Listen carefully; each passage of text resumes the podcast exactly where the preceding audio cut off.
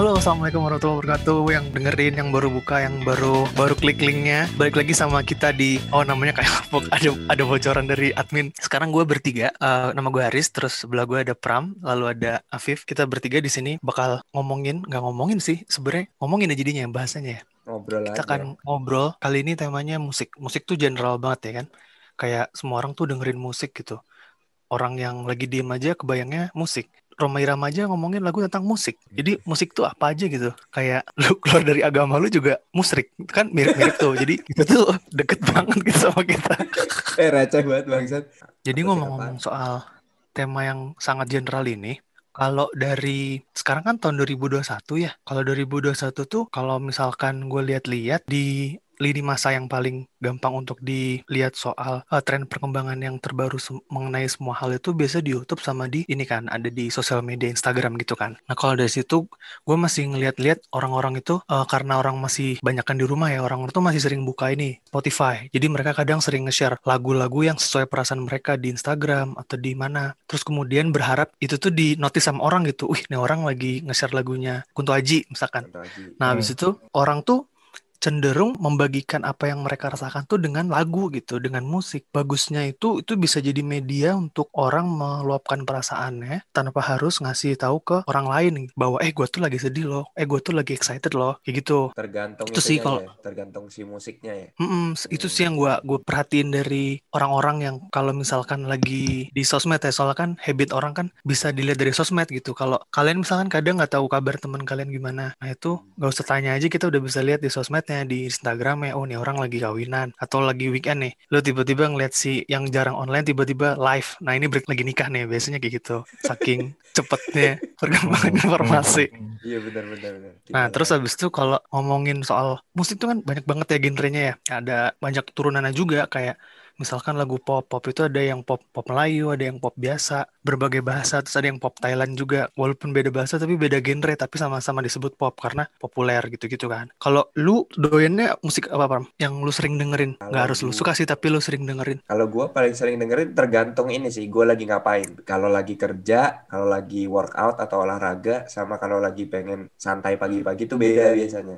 Oh, Gitu. Jadi lu share gitu nggak sih Kadang gue share sih di Instagram. Kalau lagi pengen gue share. via Spotify gitu kan ya? Iya dari Spotify.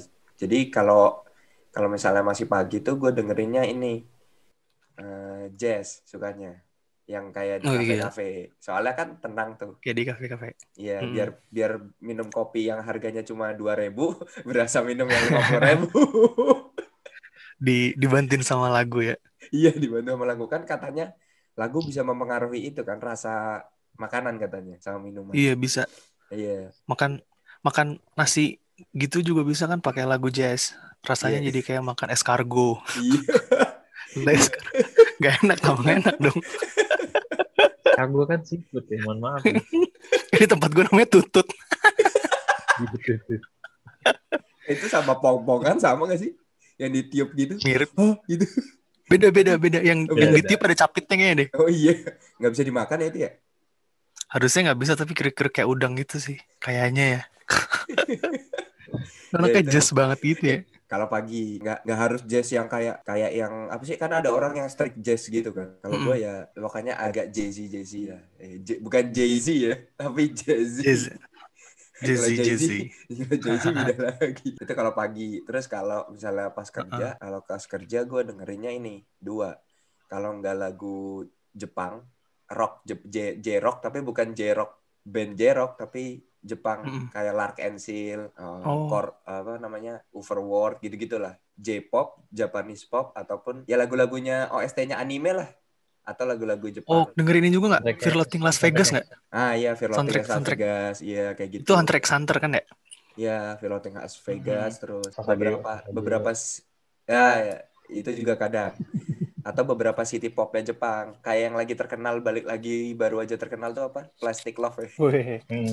Maria Takeuchi. iya ya, kecil pokoknya yang nadanya kayak gitu-gitu itu kalau pas lagi kerja kalau olahraga Ah. biasanya kalau olahraga heavy metal kalau enggak rock sama ini rap udah itu yang BPM-nya tinggi ya iya supaya mengge- menggelegar kan jadi semangat gitu Gua oh sama tuh gue bisa buat jogging juga tuh kayak koplo dangdut kan BPM-nya 160 tuh. Iya. Eh dangdut gue bisa- juga suka. Dangdut gue juga suka. Dangdut. Tapi gue suka dangdut yang koplo tapi ya bukan yang dangdut, dangdut yang tradisional yang Oh, cinta-cintaan suami istri gitu enggak Berarti lu kalau Roma Irama kurang suka ya? Kurang kecuali dikoploin ya. Gue anaknya koplo Oh, banget soalnya. iya. Harus yang berarti cepet gitu. Harus yang beatnya cepet ya. Harus yang 160 160 BPM. Kalau lagu-lagu Beat per kayak minute. harus di, di setel di angkot-angkot gitu. Oh Iya, bener. itu. Iya. Sama ini house, kalau lari bisa tuh. house music ya? Langsung musik Nah. ya yang buat angkot. Soalnya dulu gue sering beli itu waktu dulu zaman SD beli kaset itu kan kan kompilasi kompilasi house music gitu gue yang beli. musiknya selalu teo tet tet tet tet tet, tet. Iya yang gitu-gitu Itu diulang-ulang. kenapa gitu ya? Kenapa nadanya selalu gitu sih? Ngakhirinnya di fade out tau lo nggak ada. Aduh gue bingung ngakhirinnya gimana? Ya udah fade out aja. Fade. Nggak, nggak bisa ngakhirin lagu zaman dulu. Iya bingung. Aduh, nggak ada endingnya. Nggak ada. Kayak Peter Pan juga dulu gitu nggak bisa ngakhirin Iya. lagu dia akhirnya di fade Kayaknya- out turun semua turun lagu turun pop, hilang. semua lagu pop tahun-tahun kita tahun 90-an gitu nggak sih? Kayaknya nggak ada Iya. endingnya. Cuma di ada endingnya. Tahu-tahu kelar. Iya. Ya, Terus gimana sih. malam berubah lagi? Malam kadang kalau lagi hujan ini Mana lagi dengerin- kalau hujan? dengerin lagu yang sedih-sedih kayak yang senja-senja gitu apa sih senja di batas kota ada tuh band indie terus Oh. itu Indonesia terus juga kadang dengerin Korea tapi Koreanya yang sedih yang nadanya sedih gue Oh. nggak tahu artinya cuman yang nadanya sedih aja sama. Gue juga dengerin ini kok BTS kok yang dinamit itu bagus tuh. oh nggak tahu gue BTS nggak pernah dengerin Soalnya- BTS Soalnya 80s 80s gitu, tapi cuma lagu itu doang, yang lainnya gue nggak tahu. oh iya. gue sukanya Lim Mirip-mirip. Kim eh Lim Lim Kim yang cewek Lim Lim Kim Sista Yang cewek. nah, Sista Buset sister udah zaman kapan ya? Iya kan udah bubar. Masih ada tapi sih sister? Udah bubar. tapi kan lagunya masih ada di Spotify. Harusnya masih ada sih royalty gitu-gitu kan masih diupload tuh. Masih orang masih gue dengerin sampai sekarang. Terus besok paginya just lagi. Iya, gitu sih. Tapi sesekali pengen dengerin apa kayak apa Denny Caknan tuh apa sih genrenya? Dangdut Denny ya? Caknan tuh yang ini ya, yang kayak Jadi- yang ada ini bukan sih? Duh gue lupa gue Pop pernah Jawa, denger deh. Jawa, pop, Pop pop Jawa gitu ya. Iya, eh Hmm. emang masuknya pop ya bukan dangdut ya dia. Dia apa? Iya, iya, Jawa da- ya dangdut dangdut pop lah. Kayak Didi Kempot deh. Modelnya kayak Didi Kempot. Kalau di tempat itu campur sari. Iya, tapi kan ada yang beatnya asik gitu kan. Ya gitu loh. Hmm, ada. Campur sari model mungkin kayak gitu. Ya, jadi sebenarnya Beatnya kalau- tuh dikoploin ya. Iya. Koplo tuh obat berarti. Ini kenapa? Jadi sebenarnya kalau gue sih nggak ada genre khusus atau gue suka satu band khusus gitu nggak ada sih. Yang penting enak didengar, ya Mm-mm. udah. Cuman kurang lebih kayak gitu yang gue dengerin.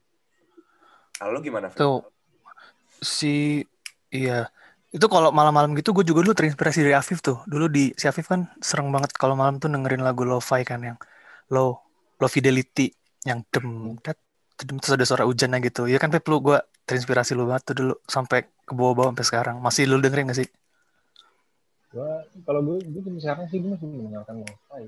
Bahkan anak gue sendiri pun ya kadang-kadang kalau gue lagi pengen nyantai ya gue, gue, gue dengerin lo-fi. Tapi kalau gue ngeliat kan hitungannya kita sebagai pengguna Spotify yang rutin ya, Hmm. kan ada tuh yang apa fiturnya Spotify Wrapped ya yang tahun ini. Tahun ini tuh Oh gue iya. tahun ini tuh gue lagi agak emang ag- agak geser, agak geser. Gue tahun ini tuh lebih banyak dengerin funk, Oh anjir, pang. funk, funk, bukan punk, funk. oh fang fang Oh, fang. Tapi Iya. 80s fang ya? Nggak mesti 80s pang karena gue gue gue mendengarkan beberapa band specifically satu band sih karena gue seneng. Itu nama bandnya itu Wolfpack. Wolfpack sorry. Wolf Wolfpack. Ah Hmm. bahasa Inggris itu itu gue gue nggak tahu gue itu gara-gara algoritma YouTube aja gue gue dengerin satu band punk asik terus tau-tau muncul akhirnya gue dengerin semua jadi kayak akhirnya ujung-ujung masuk ke Spotify gue akhirnya gue dengerin terus Hmm. Terus akhirnya gue juga dengerin yang lagu-lagu zaman dulu, tahun 8, ya 80s, yang 80s funk, 70s. Tapi, ya udah. Dan gue bisa dengerin itu seharian. Jadi kayak temen kita siapa sih? Si Arsyad ya. Arsyad itu kan katanya tipe yang Hmm. kayak kalau lagi, abis lagi dengerin satu lagu baru, didengerin terus sampai sampai sampai dia nggak sampai dia bosan Diulang-ulang. Diulang-ulang. diulang-ulang masih diulang-ulang bisa sampai seminggu dua minggu kan bosan gitu capek.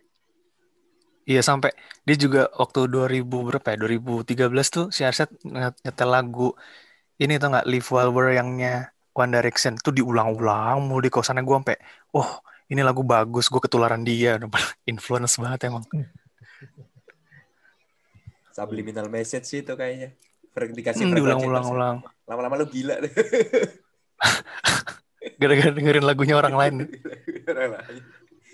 itu Fang itu lagu ini kan yang kayak Bruno Mars kan yang ah Bruno Mars itu baru belakangannya ini malah dia ke iya iya yang dulu itu yang gara-gara yang lagunya ini apa eh, apa tuh Uptown Funk Uptown Funk. Terus Hmm. kemudian jadi jadi satu albumnya dia yang akhirnya yang apa 24K apa 24K Magic ya yaitu 24K itu Magic. Sebenarnya sama ciri khas ciri khas funk tuh gimana sih?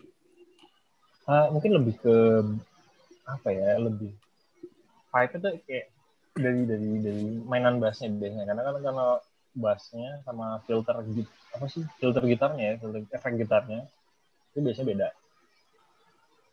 Bassnya biasanya bassnya main banget bassnya main banget kan terus Oh. sama filter gitarnya apa efek gitarnya tuh clean biasanya. Oh, sama, Di Indonesia tuh biasanya kan itu ya? beat- apa Uh, di Indonesia gue gue sendiri bukan nggak tahu di Indonesia tuh band punk tuh Bari nggak tahu gue Barli Kumawa nggak? Baru dari itu jatuhnya jazz masih jazz. Dari jazz dong.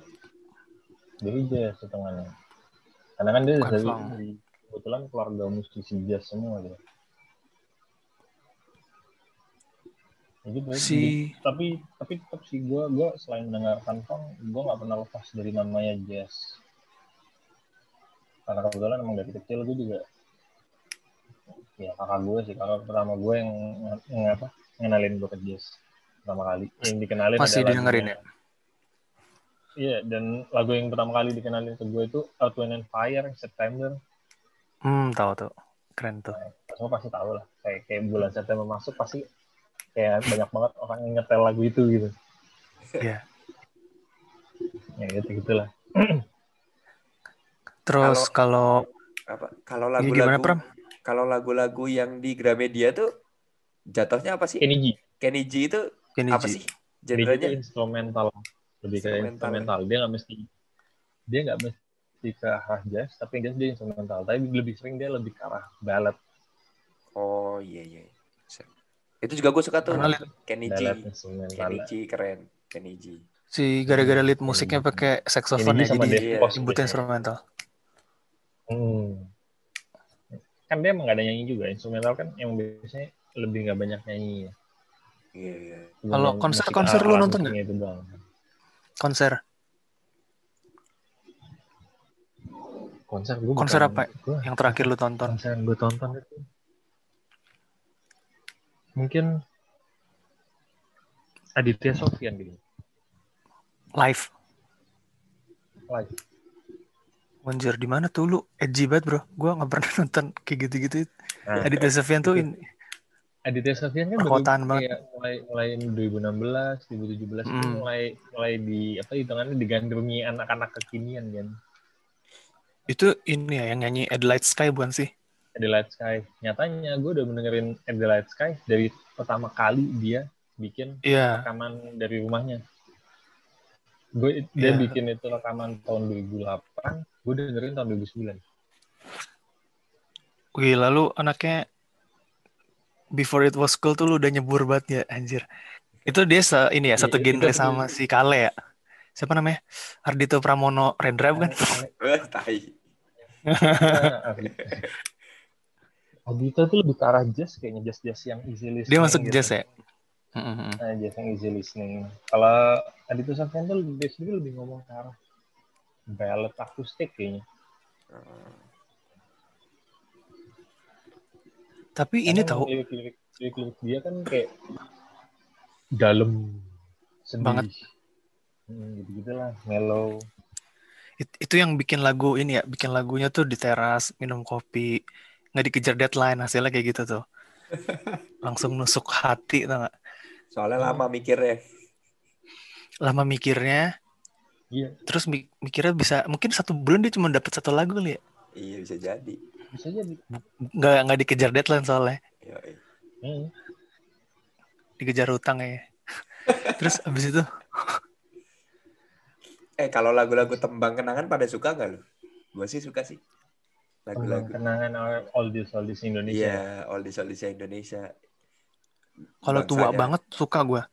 Bangsanya Bob Tutupoli, Bruri. Buset. Iya, iya. Gua Frank Sinar. Frank Sinatria ya.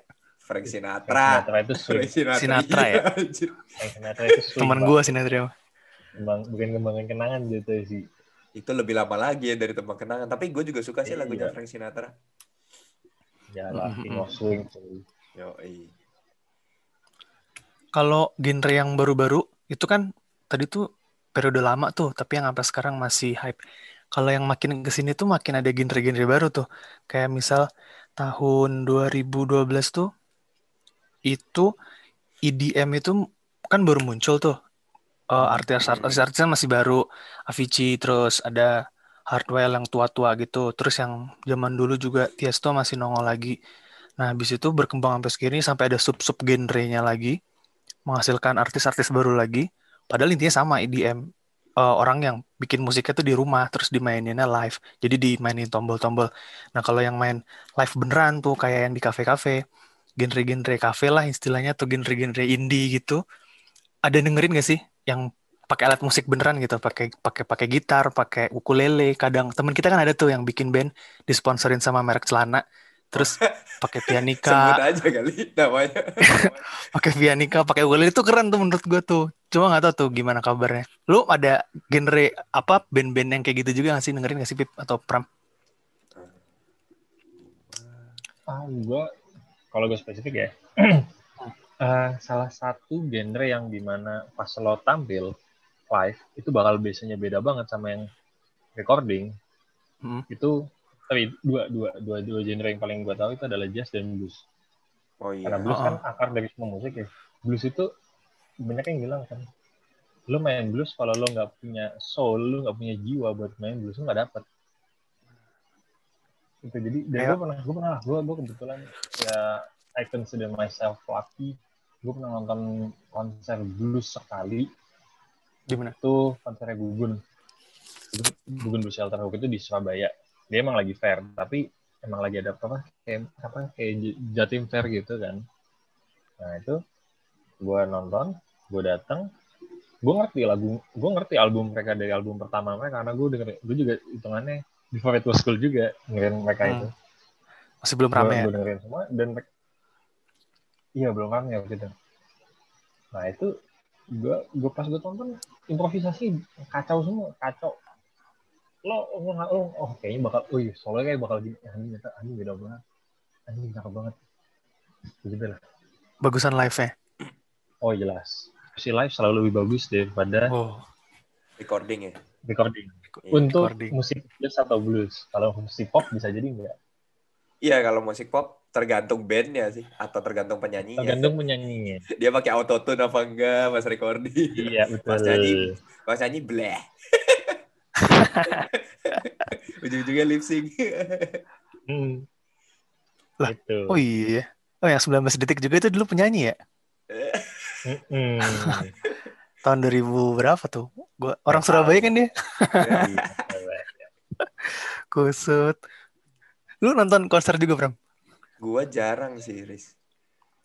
Gua jarang. Soalnya gua Tapi tuh per- pernah, pernah. pernah. Ya kalau pas yang acara itu aja tuh payung teduh dulu yang di kampus. Kan itu konser jatuhnya. Oh iya. Ya itu konser benar. Terus sama pernah, ya, gue pernahnya drama musical sih, yang live. Drama Hmm. musical. Jadi yang ada narinya terus sama nyanyi-nyanyi gitu. Bukan yang kayak Buat tuh, iya. konser. Soalnya kalau konser dangdut sih pernah. Mm. Di live. Iya live di acara TNI. Jadi pas ulang tahun TNI gitu. Cuman kan konser dangdut lah- nari-nari. Iya, konser dangdut mah yang dinikmatin kayaknya bukan musiknya sih. Penyanyinya. penyanyinya. Kalau kalau genre lain kan bisa sambil merem. Oh ini Iya, lagunya oh, enak iya. ya. Kalau ini harus melek ya. Kalau yang melek, kalau lu merem malah rugi, kagak bisa nyawer kan. nyawer Tapi parah Nyawer sih. offline ya? Kadang parah sih dangdut. Kayak itu bukan Mm, buat mm, anak kecil gitu. Tapi ada aja anak Bukan. kecil yang ikut gitu. itu yang kalau udah bapak-bapak gitu tuh duitnya Iya, recen buat di buat ditebar di Iya. panggung Dikepretin ke penyanyinya. Prek. Prek dikepretin. Ini kocak ya. Itu Tapi itu- pengalaman kocak. ya. masih masih genre-genre mainstream ya penggemarnya kan banyak tuh Iya. kayak kalau misalkan genre-genre tertentu yang yang endemik gitu kayak misalkan indie atau yang apa ya folk gitu-gitu kan penikmatnya dikit tuh kadang mereka tuh eh, saking zona nyaman ya jadi yaudahlah kita nikmatin musik ini sama internal kita aja jangan sampai ini jadi mainstream gitu ntar kalau jadi mainstream ujung-ujungnya kayak Killing Me Inside, Killer P. Gaskin dulu mereka segmented sekarang setelah masuk major label jadi verso lebih banyak menyebabkan mereka terkenal tapi kehil- kehilangan identitas gitu kan kadang-kadang semua semuanya gitu gak sih? Awalnya pasti nah gitu itu. dulu.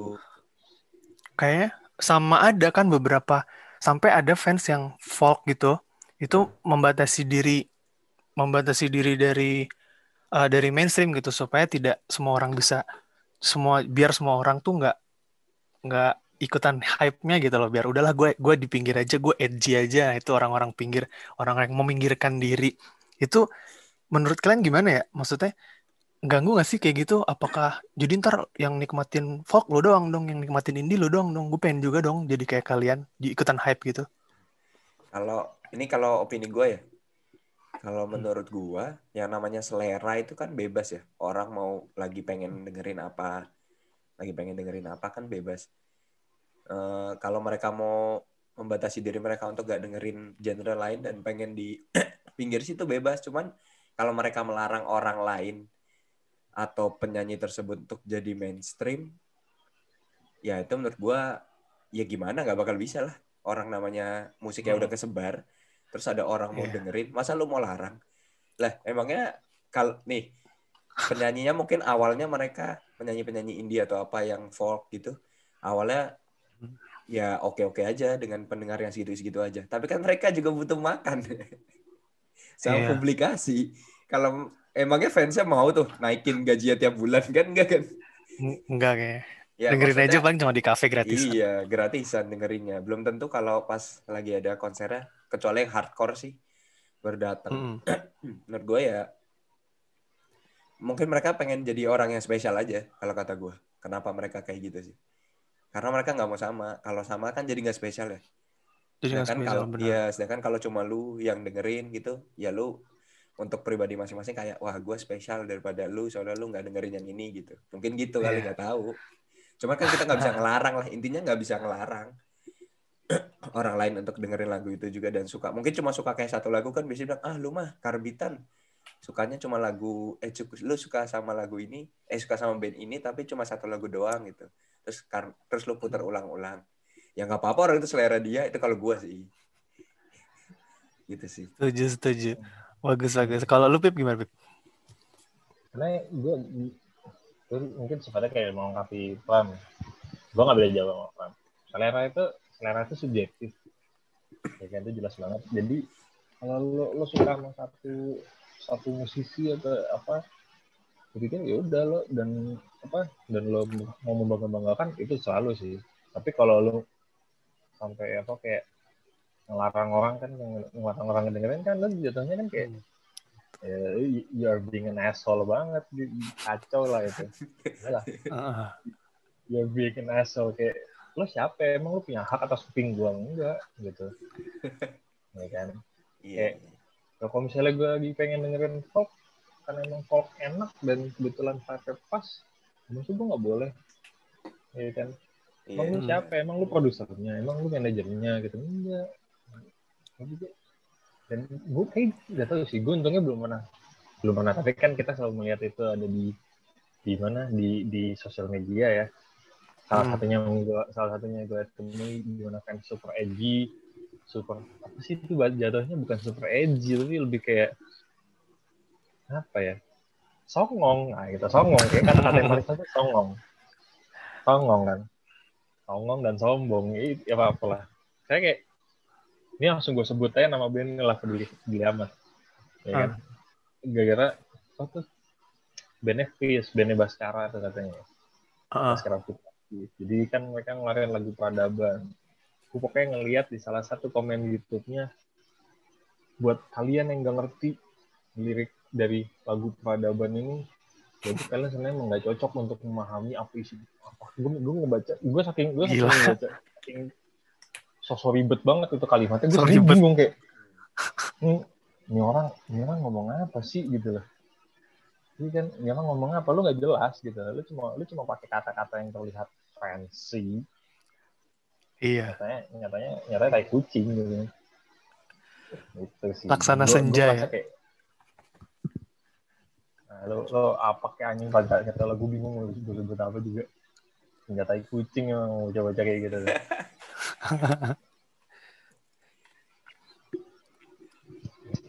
Sama itu muncul dari budaya eh itu tadi budaya diskusi sama budaya nongkrong di warung kopi atau apa coffee shop ya kalau zaman sekarang itu.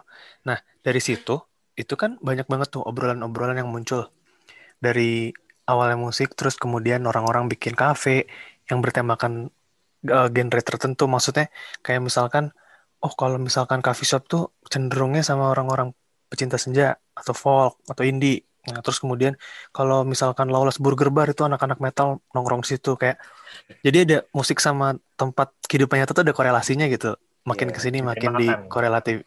Jadi tematik, jadi sesuatu suatu dasar untuk membuat sesuatu lagi gitu kayak tadi terus ada juga musik-musik apa EDM juga atau kan identik sama klub kan klub malam sama Iya. klub yang lain-lainnya klub bola. Enggak. Habis itu eh kalau dari sama musik itu kan luas banget ya. Sampai kadang lu bisa dapet kenalan baru cuma dari ngomongin musik. Kayak lu misalkan lu modus nih kayak Afif nih. Afif kan suka modus nih dulu ya. Oh iya. Nah, dia- Dulu, dulu.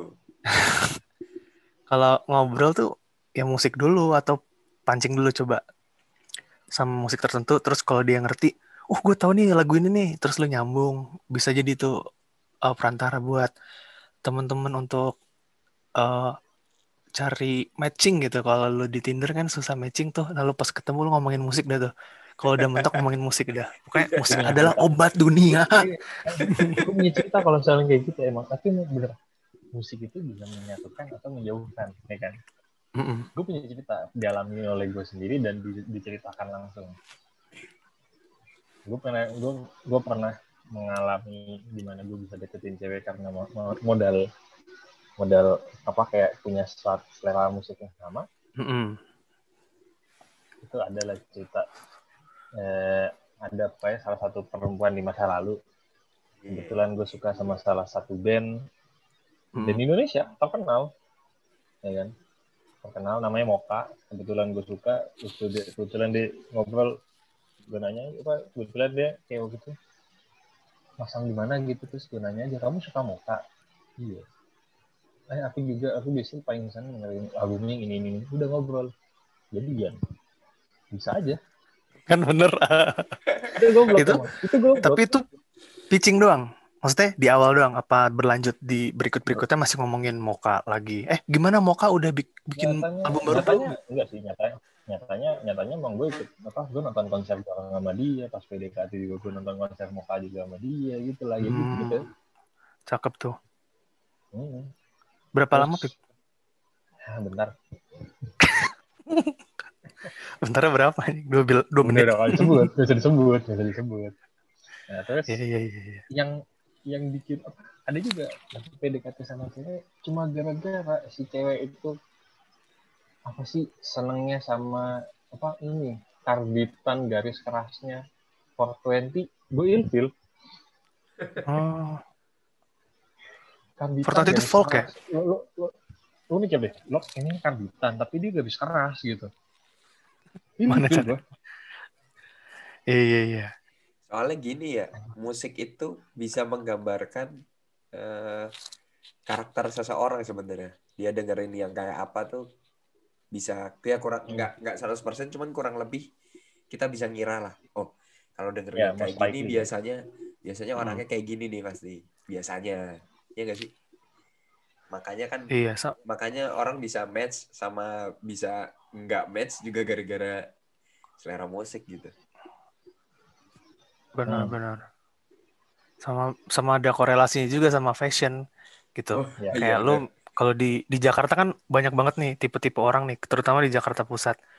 Itu kalau lihat bajunya atau fashion yang lu lihat di misalkan dia pakai kemeja ala Ardito Pramono, itu umumnya dia pasti akan mendengarkan genre yang mengarah ke situ juga ya walaupun nggak pasti nggak pasti spesifik tapi umumnya di misalkan dia pakai headset lu cabut dah headsetnya lu dengerin pasti dia lagi dengerin genre sesuai dengan baju yang dia pakai kayak baju Ardito Pramono pasti kalau nggak dengerinnya yang santai-santai bara suara atau 420 yang tadi tadi kayak gitu. Terus kadang ada yang kaos metal tuh juga mencerminkan. Kan nggak mungkin jarang sih kayaknya nggak mungkin juga ya. Maksudnya orang pakai kaos metal terus di kereta nih terus lo uh, izin ngambil headsetnya lo dengerin bang dengerin apa sih? Tautnya dia dengerin lagu band Pigaskin gitu kan itu jarang. Iya, nah, itu sih. jadi ada gak mungkin gak ada. maksudnya, eh, tapi tapi kalau emang kalau ini kalau gue boleh gue potong ya tapi emang kalau hmm. masalah atribut dengan musik itu yang paling paling kuat korelasinya itu metal. Iya benar. Metal. metal, hmm. metal. Pasti itu pasti itu pasti. Kayak semacam hal yang pasti kalau lo ngeliat fans metal lo modal kaos. Kalau bukan kaosnya bukan kaos band band terkenal karena band band terkenal bisa jadi mas mas jamet. Ya benar tapi kalau misalnya kaos yang tidak apa tidak tidak umum nah lo bisa bisa ya bisa cukup yakin. Ya ini anak kayaknya ini metal. Yang aneh-aneh ya? Hmm. itu. Kalau kalau yang sisanya mungkin mungkin apa kayak seper seperberapanya ya. Atau mungkin cuma beberapa persen dari angka akuratan. Tapi kalau entah kenapa entah kenapa emang kalau metal itu kayak di atas 50 persen itu kayak lo pakai baju metal nempel sama samba gelap tulis samba gelap biasanya metal gitu loh setuju setuju pang juga gak sih pang atau kan apa pun itu eh, pang juga pang melekat musik yang melekat ke atribut hmm. sama R&B juga, juga gak sih eh R&B apa rap rap rap juga kadang kelihatan juga. dari gaya rap, berpakaian. Hip hop, rap, hip hop, R&B itu hampir hmm. sama semua. Tapi emang itu melekat semua. Karena emang dari mereka kan berasal dari satu kultur ya. Satu iya, iya benar. Kultur. Nah itu. Jadi dari berpakaiannya aja udah kelihatan banget. Hmm. Emang menarik lah gitu. Menarik, menarik. Terus abis itu uh, dari korelasinya musik bisa ke itu juga bisa nyambung ke sosial. Jadi kayak beberapa genre itu bisa uh, mencerminkan atau ngangkat suatu isu di lingkungan sosial seseorang. Gua kayak gue ada contoh, gue lupa namanya dia rapper gitu, dia dari Tanjung Priuk. Nah dia itu belum terkenal tapi uh, dia itu bikin lagu karya-karya yang rap gitu, yang ngangkat tema-tema di Tanjung Priuk kayak misalkan uh, kekerasan, perampokan, udah kayak Detroitnya Amerika gitu. Jadi itu bisa jadi perantara juga buat kita orang-orang awam yang kayak apa sih Tanjung Priok tuh gimana sih nggak kebayang sama nggak mau nyari tahu juga. Nah kebetulan lo lagi denger lagunya dia, lo pasti akan kebayang oh secara secara imajinasi kepala lo ya sambil dengerin itu lo pasti akan kebayang oh Tanjung Priok tuh seperti ini banyak mungkin ada uh, drugs hidden drugs dealer gitu-gitu sama kayak di film-film sama kayak ada beberapa lagu siapa tuh lagu Kus Plus juga dulu sering ceritain soal Jakarta tuh. Di Kus Plus dari Jakarta kan ya?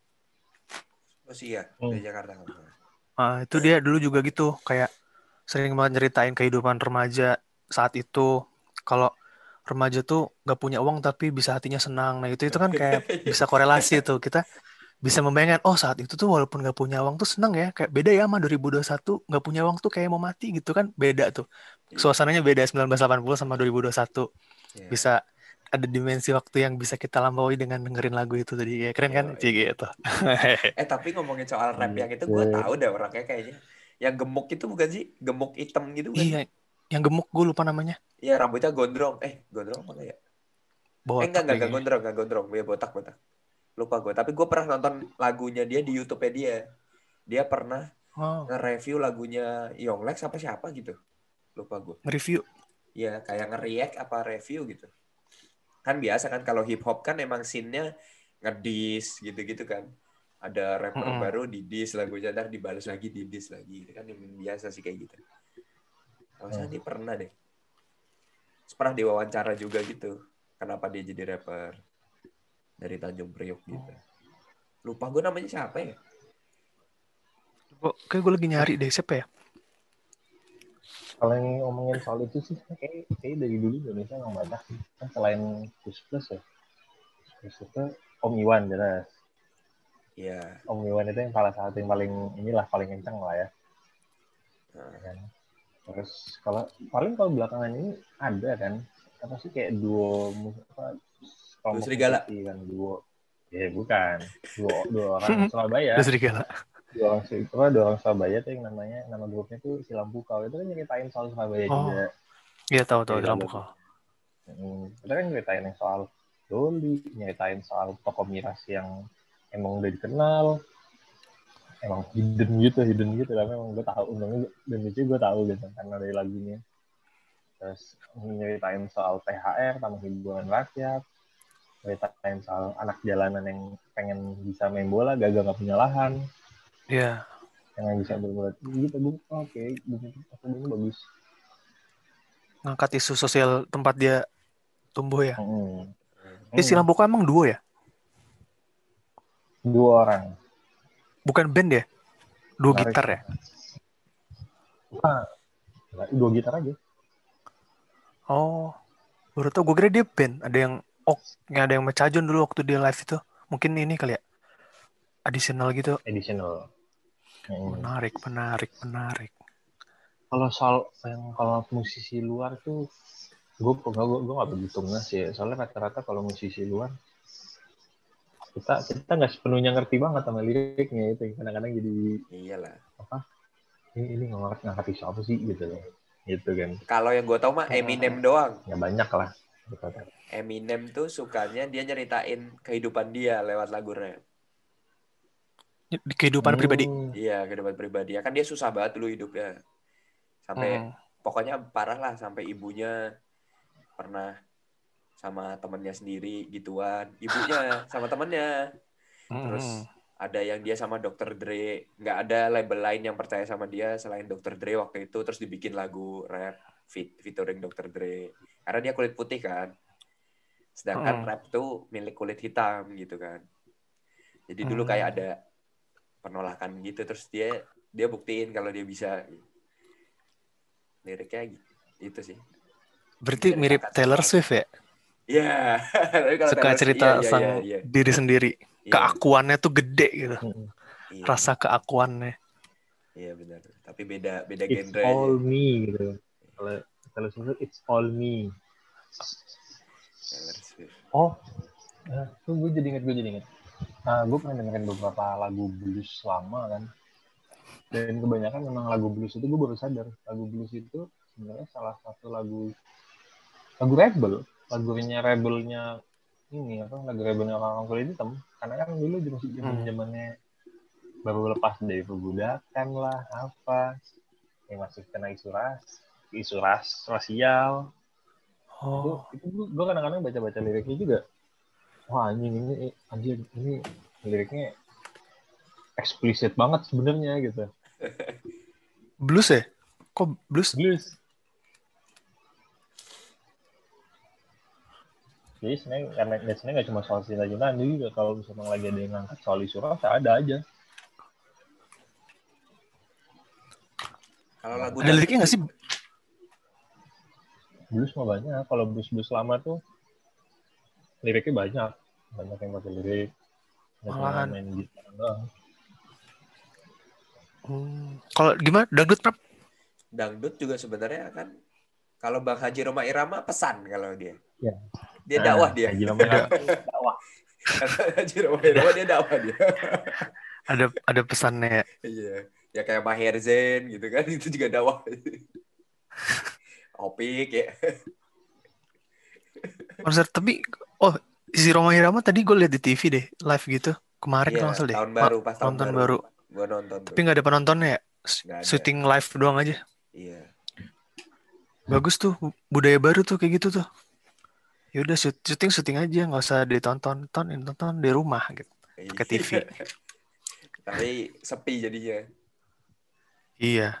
Tapi udah lama nggak nggak nggak naik angkutan umum gitu. Udah jarang dengerin lagu di angkot-angkot ya. Iya. Atau masih pada pakai angkot nggak sih? Udah ada udah ada ojek Udah ada ojek sih. daring ojek daring. Kecuali angkotnya di, ya di beberapa kota kadang ada udah yang tetap masih pakai angkot sih. Karena kan Hmm. kalau lu bawa barang banyak ya angkot lebih murah jatuhnya. Nah, itu akan nyambung ke topik kita berikutnya, yaitu angkot di episode nanti-nanti. Apa dah gak jelas. Nah, berhubung durasinya udah lama banget ya Pak ya, udah Iya. 50 menit. Jadi kita kita pause dulu kali ya obrolannya Iya, untuk tema ini. Jadi nanti kita lanjut di tema-tema berikutnya yang lebih asyik Asyik. bersama Haris Dwi. Dwi Rendra Pramono Ardito dan juga Afif Budi. Woi jangan nambah-nambahin nama orang. Ini closing ya, closing. Cut, cut, cut. Closing, closing.